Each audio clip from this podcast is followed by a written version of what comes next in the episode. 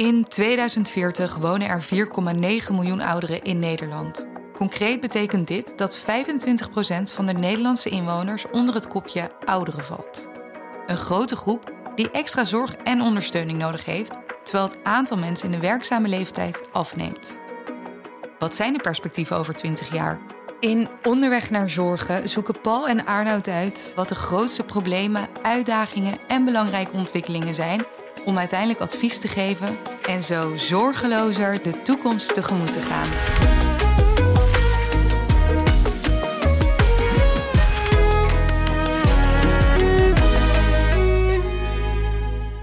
Ik begin even met elkaar kort introduceren. Naast mij zit Paul.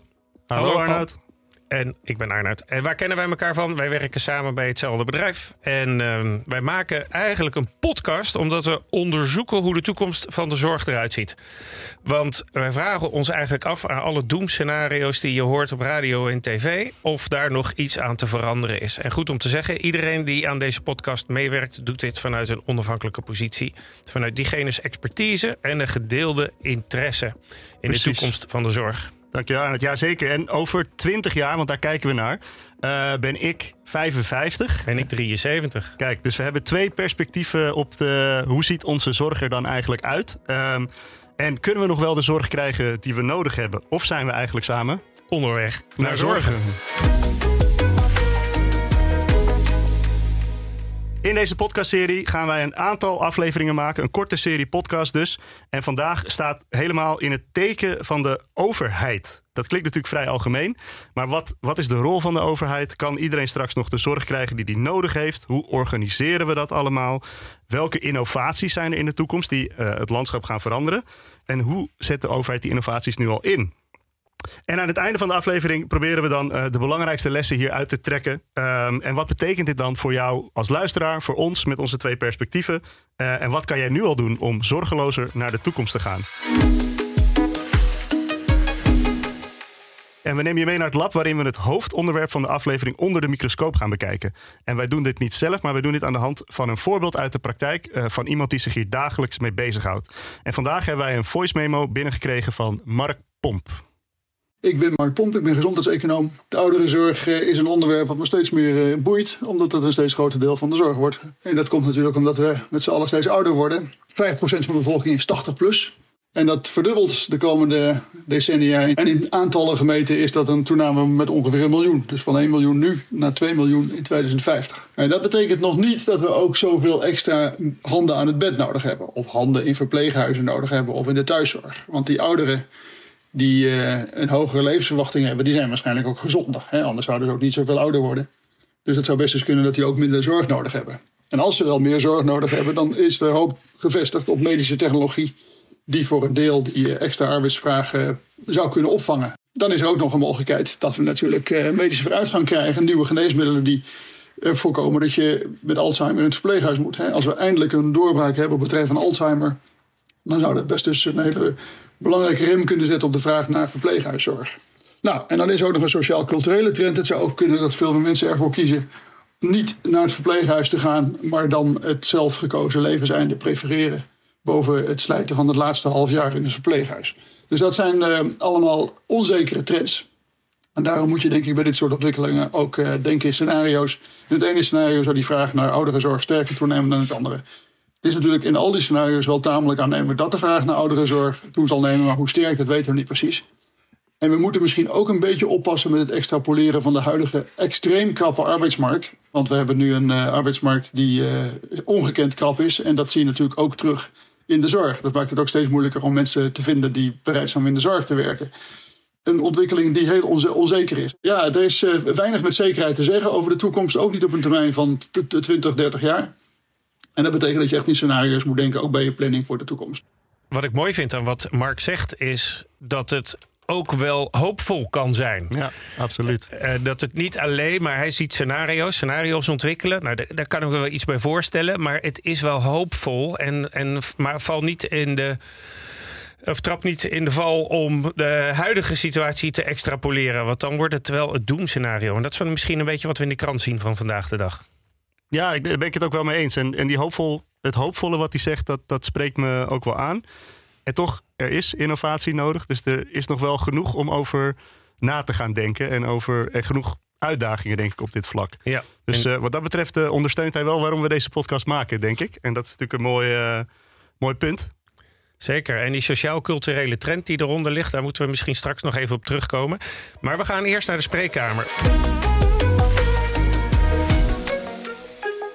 We zitten natuurlijk nu met een hoop vragen. En we gaan in de spreekkamer met een expert en een specialist in gesprek. Vandaag is bij ons digitaal aangeschoven Jan Kremer, speciaal gezant passende zorg.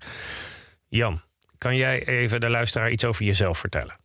Ja, ik ben uh, Jan Kremer en ik ben uh, van oudsher gynaecoloog. Uh, in 2011 ben ik meer in de breedte van de zorg gaan werken. En ben nu onder andere hoogleraar zorg en samenleving in het Radboud UMC. En ben een tijdje voorzitter geweest van de kwaliteitsraad van het Zorginstituut. Lid van de Raad voor Volksgezondheid en Samenleving. Ja, nu dus speciaal gezant passende zorg namens het ministerie van VWS. Van harte welkom, Jan. Ik durf het bijna niet te vragen, maar ik ga het toch doen. Hoe oud ben jij zelf in 2040? Nou, ik ben, uh, denk ik, dat, ja, dan 2040 ben ik net 80 geworden. Okay. Dus toch ook echt behoren tot de doelgroep waar we het vandaag over hebben, denk ik. De vraag die hierachter zit is natuurlijk, heb je zelf al eens een klein beetje nagedacht over hoe je je eigen oude dag ziet en dan misschien wel in de context van over 20 jaar? Ja, het is een goede vraag. Hè. Van, de, van de ene kant heb je de neiging om dat uh, weg te duwen, dat, uh, dat nadenken daarover en het praten daarover. Omdat je, ja, het is best angstig eigenlijk. Hè. De, we hebben natuurlijk met z'n allen een heel groot probleem. Met, uh, en dat snap ik ook heel goed met de dood en aftakelen wat daar voor aan vooraf gaat. Dat willen we liefst wegstoppen. Dat doe ik ook wel eerlijk gezegd. Um, en, uh, en, van de andere kant denk ik er wel over na van wat het dan betekent en, en, en, en wat ik eventueel nu al kan doen. En, uh, maar eerlijk gezegd uh, betrap ik me er zelf op dat ik dat gesprek nog niet met mezelf en met anderen nog niet heel intensief voer. Wat ik herken, en ik probeer even te checken bij jou, is dat je er wel over nadenkt misschien. En misschien heb je ook wel een ideaalbeeld over hoe de toekomst er dan uitziet, die uh, oude dag toekomst. Maar uh, concreet stappen ondernemen of concreet iets organiseren, daar ben ik niet aan toegekomen zelf. Jij? Ja, het is, uh, ik denk er wel over, maar nog niet heel erg oplossingsgericht. En, en, misschien bestaat ook wel geen oplossing voor. En is het ook een deel um, ja, anders omgaan met de tragiek van het leven. Als, je, als je kijkt hoe wij uh, het leven is natuurlijk prachtig, maar, maar ook wel een beetje tragisch. Uh, we groeien, we bloeien, uh, we takelen af en we gaan dood. en dat geldt voor ons allemaal. En, ja, en dat betekent ook dat je gezondheid misschien ook anders moet gaan bekijken en ook meer moet relateren aan de levensfase waar je in zit. En, um, ja, en gezondheid heeft alles te maken met het, en dan word ik een beetje filosofisch, ik hoop dat dat niet erg is, het heeft alles te maken met het goede leven. En en dat goede leven verschilt natuurlijk van iedereen. Als RVS, de Raad voor Volksgezondheid en Samenleving, hebben ooit gezegd dat we de drie hoeken kunnen zoeken. Iets in de hoek van sociaal contact, iets in de hoek van uh, autonomie, dat je nog dingen zelf kunt doen. En iets in de hoek van um, betekenisvol uh, leven, zingeving zeg maar, bezig zijn met iets wat groter is dan jezelf.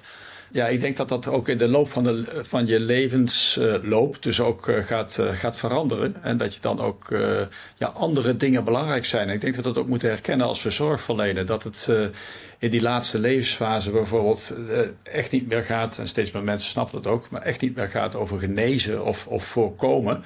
Maar dat het dan de nadruk misschien wel ligt op ja, dat wat je in die driehoeken nog kunt doen. Bijvoorbeeld ja, betekenisvol bezig zijn. Bezig zijn met het bijleggen van familieruzies. Of het zorgvuldig omgaan met je erfenis. Of met ja, nog een, je levensverhaal opschrijven voor je kleinkinderen of zo. Dat, dat er dan andere dingen belangrijk worden. En dat de zorg die dat er dus dan mogelijk moet maken. Dat is de kern van passende zorg eigenlijk. Dat passende zorg is zorg die past uh, bij, bij het leven van mensen waar het om gaat en daar ook aan bijdraagt. En dat dat ook een andere manier van zorgverlener wordt. Maar wat ik hoor is eigenlijk dat de zorg op maat gesneden op de individu. Hoor ik dat, als ik dat een beetje zo interpreteer, doe ik dat juist? Passende zorg is echt zorg die bijdraagt aan het, uh, aan het leven van mensen. En daar moeten we ook veel beter naar luisteren. En er moet natuurlijk ook zorg zijn die er ook echt aan bijdraagt, die ook, ook werkt voor dat doel. En daar, uh, daar moeten we ook kritisch naar kijken, want er wordt een heleboel zorg verleend waar je kunt afvragen of dat nou echt bijdraagt aan het leven van mensen. En dan zullen we, ja, en zeker in de tijd van schaarste, moeten we daar ook, ook, ook, ook heel goed aan gaan kijken. En Jan, hoe voorkom je dat passende zorg ook een soort bezuiniging wordt? Van uh, dit, dit vinden wij geen passende zorg meer, terwijl dat misschien voor een ander individu uh, wel heel zinvol kan zijn? Bezuinigen is, is, is uh, om meerdere redenen denk ik niet het, het, het terechte woord. Hè. Je hebt, ten, ten, eerste gaat er steeds meer geld naar de zorg en is er nog de laatste tientallen jaren nooit sprake geweest van bezuiniging. Het is alleen maar meer en meer geworden. Het echte probleem is niet dat wij te weinig geld hebben in ons land, maar het echte probleem op de lange termijn is dat we te weinig mensen hebben.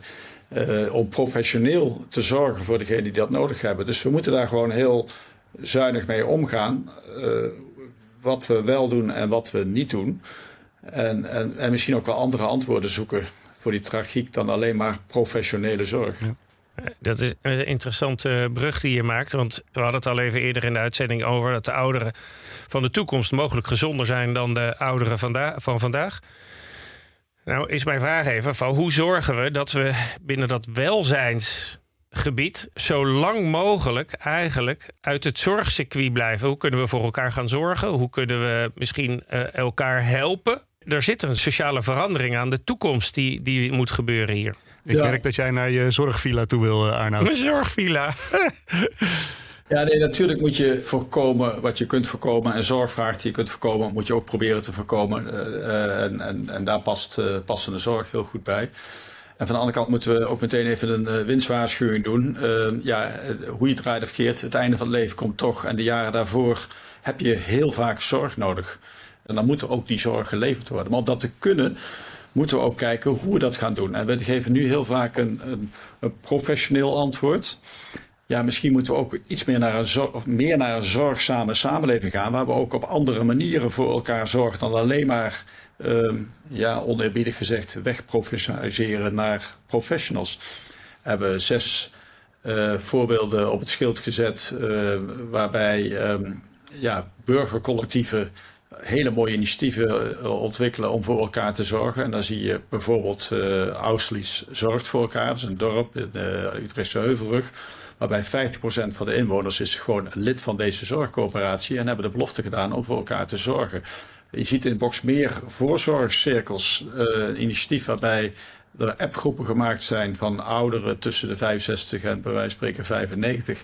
Ja, 10 tot 15 mensen. En die zorgen voor elkaar. Met kleine dingen, handelspandiensten, af en toe koffie komen drinken. Dus uh, ik, zie, ik, ik ben ook wel, kijk, dat, passende zorg is voor mij dus enerzijds ook echt heel goed kijken wat past bij het leven van mensen. En dingen die er niet bij passen, om die niet meer te doen.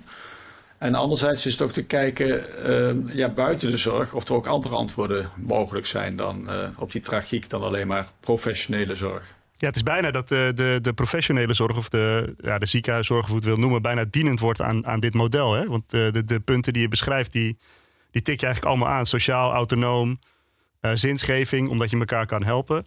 Misschien in mijn generatie, en misschien dragen we er nu gelukkig een beetje aan bij, nog wel een soort eh, een mindset shift nodig is om hier te komen, zeg maar. Nou, ik denk dat je dat heel terecht zegt. En dat, dat zit ook nog wel gewoon bij mij in mijn, in mijn hoofd natuurlijk. En we hebben in Nederland toch wel een bijzonder land als je zeker naar de ouderenzorg kijkt. Hè, waar wij uh, relatief enorm veel geld aan besteden. vergelijk met andere Europese landen. Maar we hebben in ons land uh, uh, ja, dat idee van, ja, we betalen ervoor en dan moet er maar iemand zorgen voor, voor mijn vader of mijn moeder, bij wijze van spreken. Maar als je in de, kijkt, de European Value Study, die recent verricht is, die heeft gewoon aan mensen heel veel vragen gesteld. En een van de vragen was, vindt u de plicht om voor uw zieke ouders te zorgen? Nederland bungelt helemaal onderaan met 16%. Zelfs Scandinavië is met 32% die daar bevestigend op antwoord hoger. Duitsland zit op 47 procent, uh, Frankrijk rond de 60 procent. Nou, eh, en, voor een deel komt dat natuurlijk omdat wij een goed zorgsysteem hebben. Maar voor, de, voor een deel komt het ook omdat wij toch al best een individuele samenleving hebben. Waar we vooral kijken van, ja, hoe kunnen wij zelf een leuk leven hebben? En misschien door naar anderen om te kijken, dat we ook wel weer een beetje leukere samenleving krijgen. Dat is dan mijn hoop. Maar dat is niet primair. Hè, dat, dat kan een mooi effect zijn. Uh, uh, en uh, daar moeten we mee aan de slag. Maar eh, het, het, gaat ook om een systeem te houden wat toegankelijk is. Een zorgsysteem dat toegankelijk is voor de mensen die het wel echt nodig hebben. Ja, je beschrijft een individualistische samenleving waar tegelijkertijd de activiteiten van het individu, het initiatief van de individu of de, het collectief heel belangrijk is voor de toekomst. Er is in zekere zin ook een belangrijke regierol voor overheden weggelegd. Zeker. En tegelijkertijd moeten we begrijpen dat de, de samenleving niet beperkt wordt tot de overheid. De samenleving zijn we allemaal en de overheid is daar wel een vertegenwoordiger van en kan en moet een aantal dingen doen. Je ziet ook dat minister Helder dat woonzorgprogramma heeft gestart. Maar heel veel antwoorden zitten ook in de manier hoe wij wonen, hoe we leven en hoe we werken. En, en da, da, daar, daar zullen we ook echt stappen in moeten zetten. Dus onze samenleving zal daardoor ook moeten veranderen. We moeten anders gaan wonen, anders gaan leven. Je kunt echt de vraag stellen, is het is het eigenlijk wel zo gezond dat we al die ouderen eenzaam in een of grote villa's of kleine appartementjes laten wonen. Of, of moeten we gewoon andere woonvormen gaan zoeken? Ja, ik, ik denk dat Arnold daar nog wel een mooi idee over heeft. Dus misschien moeten we die nu even er, uh, erbij pakken. Ja, wel in onze uh, voorbespreking hadden we het idee van... Uh, maar dat is mijn romantische toekomstbeeld. Dan dacht ik, waarom vind ik niet gewoon tien stellen... we kopen met z'n allen een hele grote villa... en de, we kopen de no nodige zorg in die voor ons op dat moment relevant is... en we regelen het zelf wel. Ah, dat is natuurlijk een droombeeld. geen idee of dat kan... Maar misschien is dat ook wel het droombeeld wat velen hebben. Hè? Dat, ze, en, en sluit dat aan bij wat jij beschrijft als we moeten anders kijken naar hoe je, hoe je woont, hoe je leeft en uh, hoe die toekomst er dan uitziet. Nou, ik, ik vind dat heel mooi. Dus ik, ik vind ook dat we meer moeten dromen. Uh, en, uh, en vanuit dromen komen dan weer, weer stappen die ook misschien wel weer dichter bij ons hart ligt. Wat we eigenlijk echt willen. En misschien moeten we wat minder zakelijke plannen maken en coole plannen maken. En moeten we wat meer gaan dromen. En vervolgens natuurlijk ook wel stappen zetten. Dus ik denk dat dat, dat, dat, dat erbij hoort.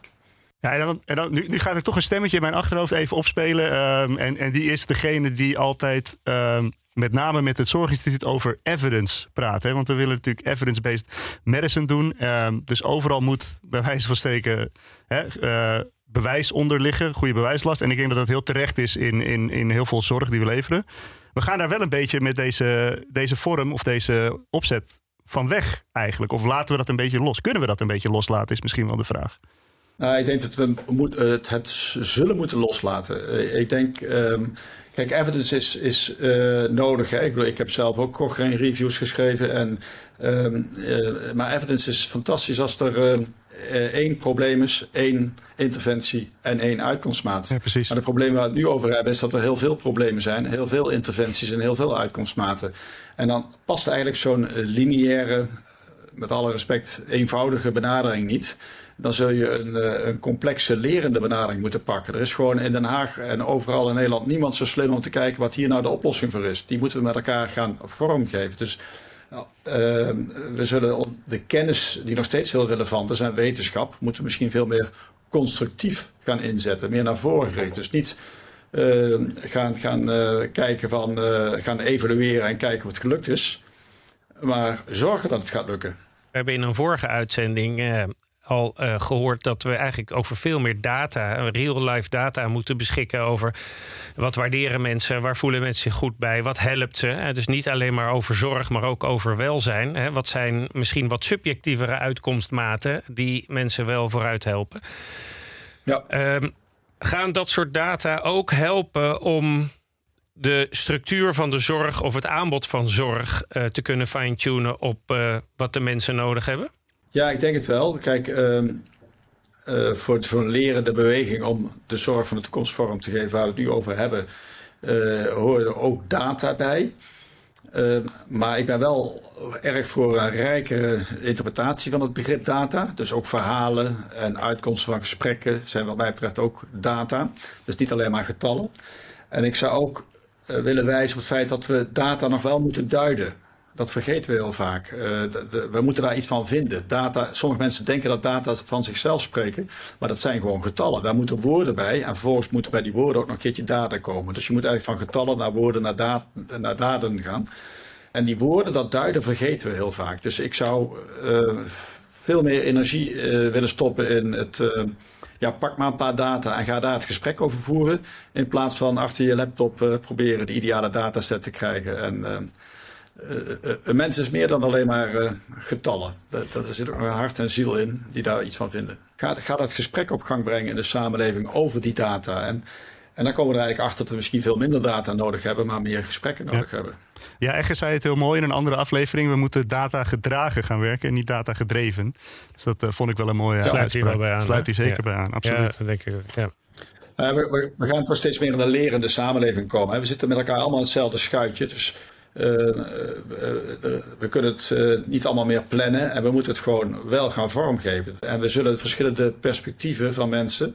moeten we niet, niet irritant vinden, maar die moeten we interessant vinden. Die moeten bijdragen aan de volgende stappen. Die moeten met elkaar vermengen.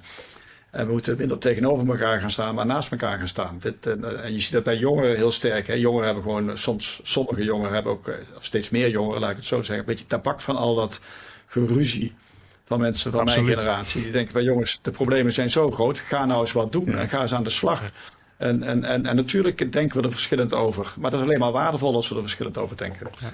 Ja, mooi, mooi gezegd. Maar ik wilde even terugkomen op een stukje waar je mee begon. En dat is, we kunnen het niet meer plannen. Nou hadden we Mark Pomp in de voice memo en die zegt je moet eigenlijk scenario's gaan ontwikkelen. Als ik jou zo hoor, Jan, is er, hè, er is een scenario wat gaat over wat, uh, wie de regie moet voeren. Overheden die een gedeelte van het probleem kunnen oplossen. Maar de burger moet zelf ook een deel van de problemen oplossen. Moeten we niet toch een beetje een langetermijn scenario gaan creëren met elkaar. Want anders uh, blijven we tegen dit probleem ja. aanlopen. Nee, ik vind scenario's toch nog een soort restverschijnsel van een soort plan-samenleving. Uh, uh, en ik ben, ik ben meer voor een. maar er moet wel degelijk wat gebeuren. Dus ik ben eigenlijk voor het feit dat eh,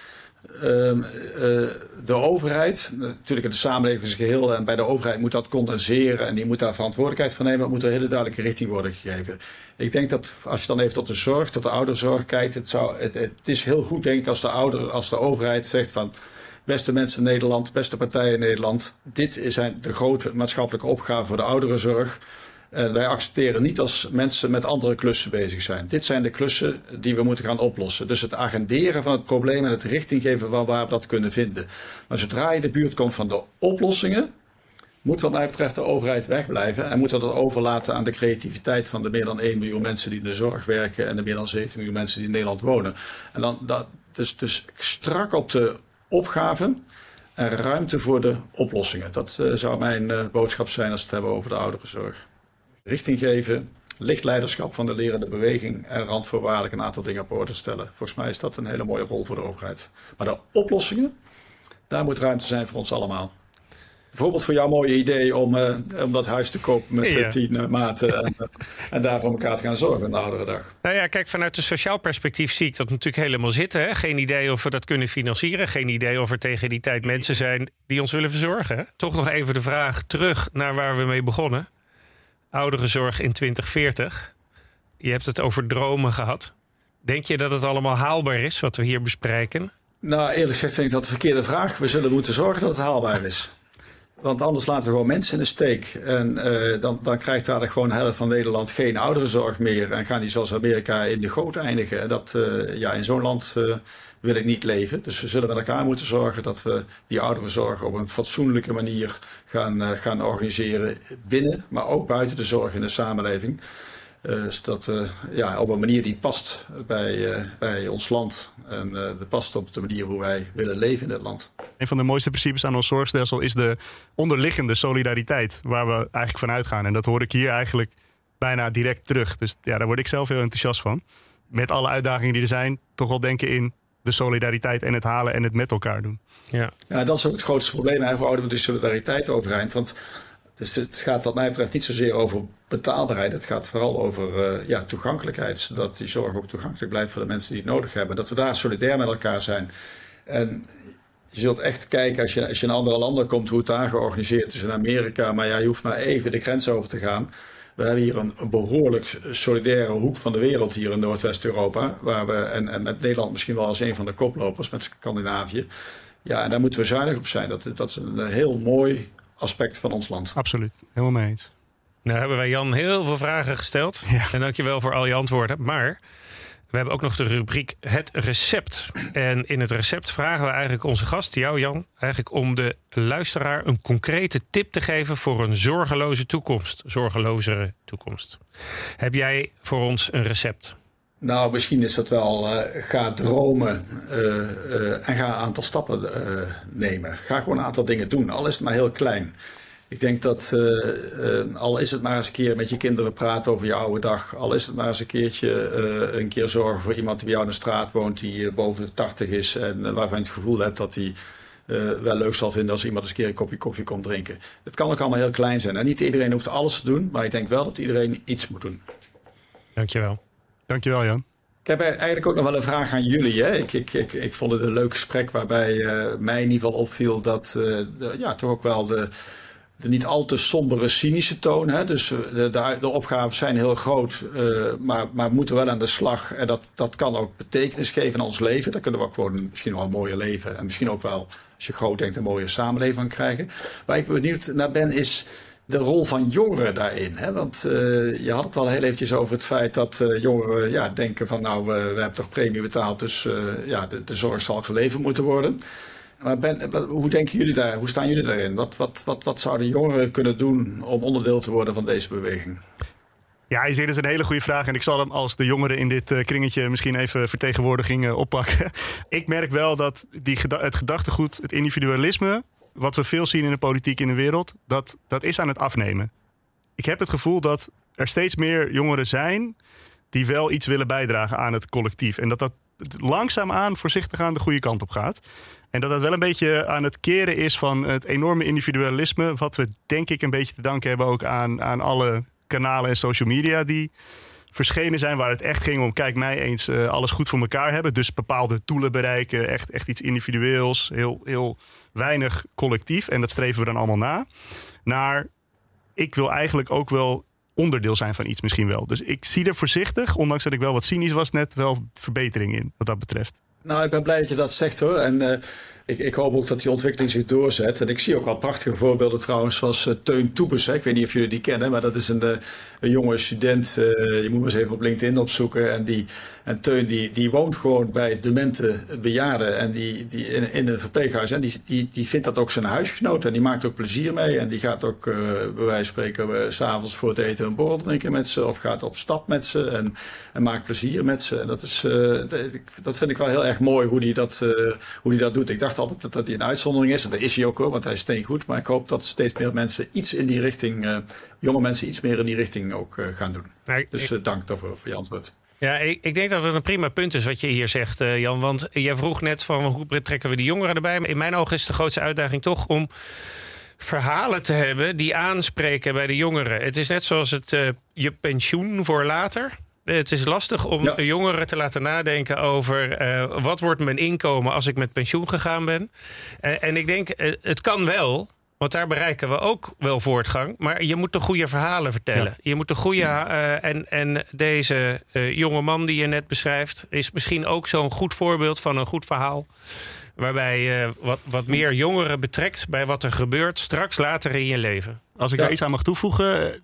Het stukje rolmodel vanuit de politiek. En dat, dat triggerde Jan net bij mij eigenlijk. Toen die riep van ja, het is natuurlijk heel veel soundbites in de Tweede Kamer. En heel fel tegen elkaar. Daar kunnen we ook wel wat meer wat mooiere voorbeelden misschien brengen. Want ja, die, die hebben toch een enorme invloed erop, ondanks dat dat soms gedacht wordt van niet. Ja, dat denk ik ook. Dat, dat is ook belangrijk. Hè? Ook politici zijn net mensen die met elkaar toch een beetje leuke tijd willen hebben dat ze op deze aardbodem leven. En, uh, en, we moeten er samen toch iets moois van maken. En uh, ja, de opgaven zijn groot genoeg, maar er liggen ook enorme kansen om daar uh, stappen in te zetten. Ja, absoluut. Mooi. Mooi. Dankjewel Jan voor, Dankjewel, deze, Jan. voor dit leuke gesprek, okay, voor je deelname. Nou, graag gedaan. Oké, met de kennis van deze aflevering werpen wij nu onze blik op de toekomst, Arnoud. Wat zijn de learnings waarmee wij een zorgelozer 2040 tegemoet gaan? Ja, ik vind het een, vond het een heel interessant gesprek. En Zeker. ik denk dat anders ouder worden en samen ouder worden. Wij noemden die drie eenheid sociaal, autonomie en betekenisvol. daar vond ik wel wat in zitten. Hè, de eigen verantwoordelijkheid van de burger. Ja, nee, absoluut. Dat vond ik een, een hele leuke. En de koppeling die daarin gemaakt werd was we lieten eigenlijk vrij snel het evidence-based werken los. We mochten ook gewoon een klein beetje hopen, dromen, wat dingen proberen, in de praktijk werken. En dat is denk ik een hele frisse boodschap die we kunnen gebruiken in, de, in dit stelsel. Ja, een richting geven van de overheid vond ik ook wel een mooie. Maar ik had zelf misschien iets meer verwacht dat er een duidelijk eh, dat hij een duidelijke regierol voor de overheid. Ja, precies. Maar het is meer, hij beschrijft meer het agenderen van het uh, probleem. Nee, absoluut. Ik denk dat dat, dat is natuurlijk fantastisch eigenlijk een stapje terugnemen. Ik denk wel dat we daar, en dan kom ik weer op mijn stelsel en mijn bekostiging, daar moeten we dan nog wel wat in leren en veranderen. Gelukkig ook optimisme over eh, de transformatiegelden die juist daarvoor bedoeld zijn. Dus ik denk dat dat een hele positieve outlook is. Ja, inderdaad. Ga jij nu een lijstje maken voor je villa met tien uh, maten? Uh, ja, nou ja, eigenlijk zou ik dat wel moeten doen. Hè. Het is wel terecht eigenlijk. Uh, hij zegt dat je moet beginnen, stapjes zetten. En uh, ja, het zou mijn taak moeten zijn, inderdaad. Laat ik het gaan doen. Precies. Hartstikke mooi. Dit was deze aflevering van Onderweg naar Zorgen. Dankjewel. Neem vooral nog een kijkje op onze LinkedIn en stemvandepatiënt.nl.